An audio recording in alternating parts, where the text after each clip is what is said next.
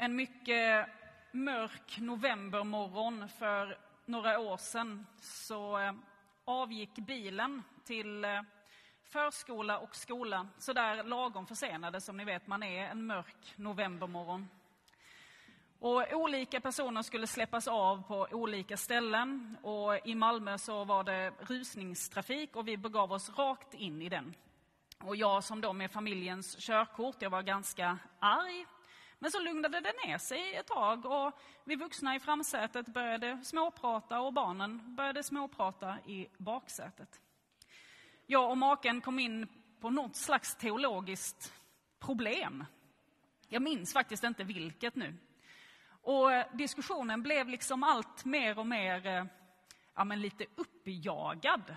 Vi tyckte helt olika hade helt olika uppfattning om på vilket sätt den lilla textbit som vi diskuterade, hur den skulle tolkas, hur den skulle översättas i våra liv. Det var inte så att vi var ovänner, vi bara hade två helt olika uppfattningar. Och vi märkte inte att barnen tystnade i baksätet och att de uppfattade det som att vi satt och bråkade den här mörka novembermorgonen.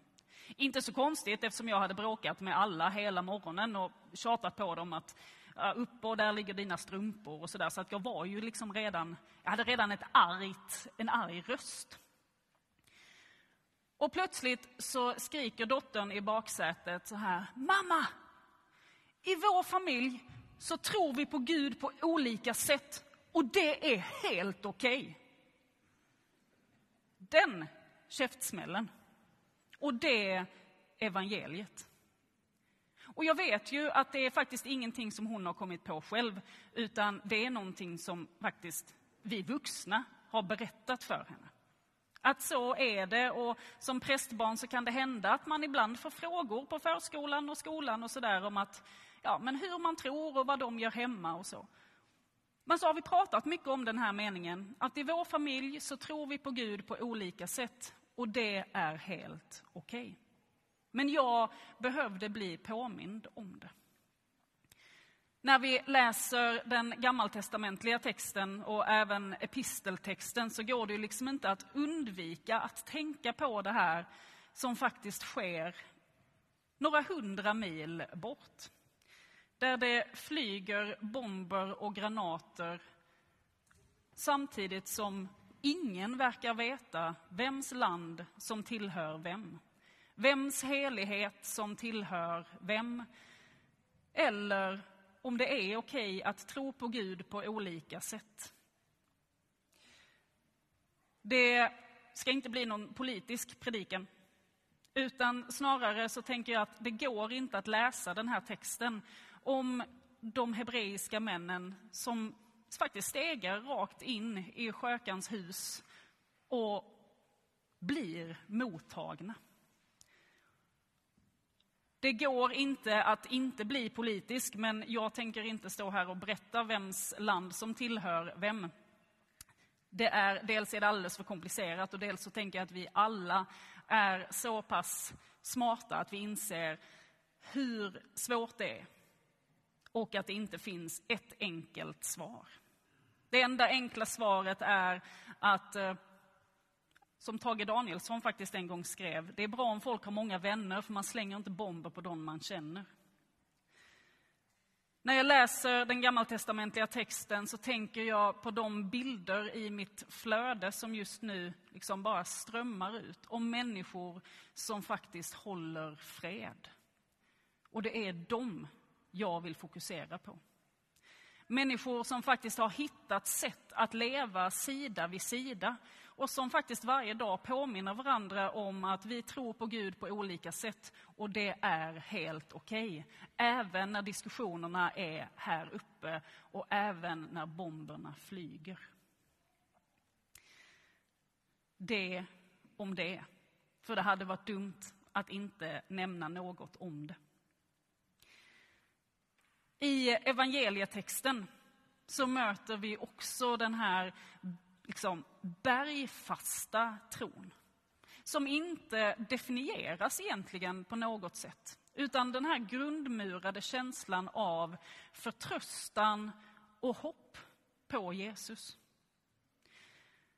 Vi möter de fyra vänner som inte längre står ut med att se sin vän lida. Men vi möter inte riktigt han som är den lame. Han tar liksom en ganska, ja, alltså en, ja, han är inte i centrum helt enkelt. Utan han bara är där. Kanske kan han inget annat. Han är ju lam. Vi har faktiskt ingen aning om exakt hur lam han är. Vi vet bara att han är sängliggande. Vi har ingen aning om han är förlamad från halsen och neråt eller om han inte har någon känsel i benen. Vi har ingen aning om vad som har hänt. Vi kan gissa att det inte är ett helt liv. Av den rent vidriga anledningen att barn som var lama från halsen och neråt inte kunde eller fick leva. Vi kan ana att det kanske är en olycka någon gång genom livet. Men vi kan bara ana. Vi har ingen aning. För vi vet också att det finns exempel genom historien där man faktiskt lät barn leva och där det faktiskt gick att ha barn som var lama som fick leva. Så kanske är det hela livet, kanske är detta hans utgångspunkt. Eller så finns det minnen av att gå, hoppa, dansa, springa outtröttligt. Vi vet inte. Och vi måste nöja oss med det. Vi har ingen aning om vem han är. Det vi kan ana det är att han själv är en god vän. För att annars så hade han inte fått den behandlingen tillbaka. För någon och några så är han så viktig att hans hälsa spelar roll för dem. De vill att han ska vara frisk. I mötet med Jesus så får han heller inte frågan vad kan jag göra för dig? Eller var har du ingen känsel? Var har du ont? Vad är det du behöver hjälp med? Utan han får syndernas förlåtelse. Sen, som någon slags nästan trött och lite uppgivet bevis på vem Jesus är, då blir han helad till kroppen. Men det är inte hans kropp som är i fokus, utan det är hans själ. Att han får höra att hans synder är förlåtna, det har ingenting med hans kroppsliga hinder att göra. Det har att göra med att han är människa. Och i mötet med Jesus så blir han mänsklig jord på ett sätt som är helt fantastiskt. Den judiske filosofen Martin Buber han talar om att möten med människor alltid måste ske som ett jag och ett du. För att om vi möter varandra uppifrån, som att, liksom, att vi inte är i ögonhöjd, att inte jaget möter duet, utan att jag möter dig ovanifrån eller att du möter mig underifrån, då blir vi inte människogjorda eller mänskliggjorda. Vi berövar varandra en del av vår mänsklighet. Men det Jesus gör, det är precis det att ett jag möter ett du. Vi blir varandras som möjliggörare. Jesus blir den här mannens möjliggörare. Strunta i hans kropp, men han blir människa. För det är några saker som rent kulturellt inte har förändrats. Hur mycket vi än har ramper och lagar så är det ju faktiskt så att hur ser vi på människor som inte bara alldeles självklart springer upp för kyrkbacken? Vi kan läsa år efter år att trottoarkanter är för höga. Eller att, eh, ja, men att man helt enkelt inte får arbete. På grund av att det är något med ens kropp som är enligt vårt tycke fel.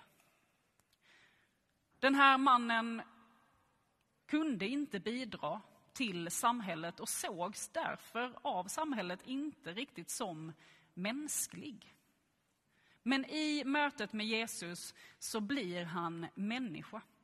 Oavsett vad hans kropp kan eller inte kan, oavsett hur den ser ut eller oavsett hur mycket den duger, så är det bortom kroppen Jesus är.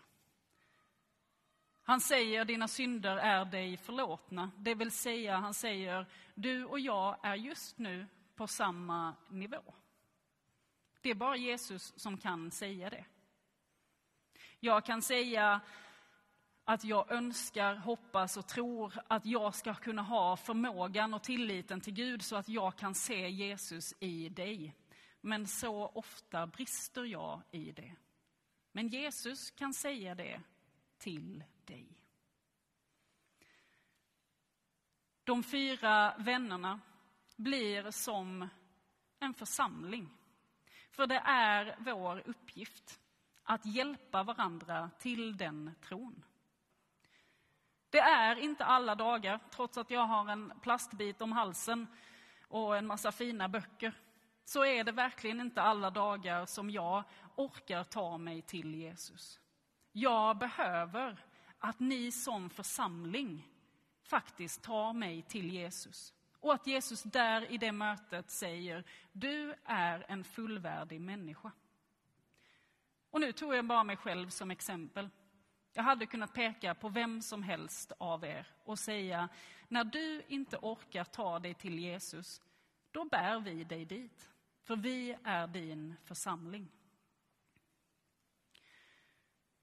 I vår familj så tror vi på Gud på olika sätt och det är helt okej. Okay.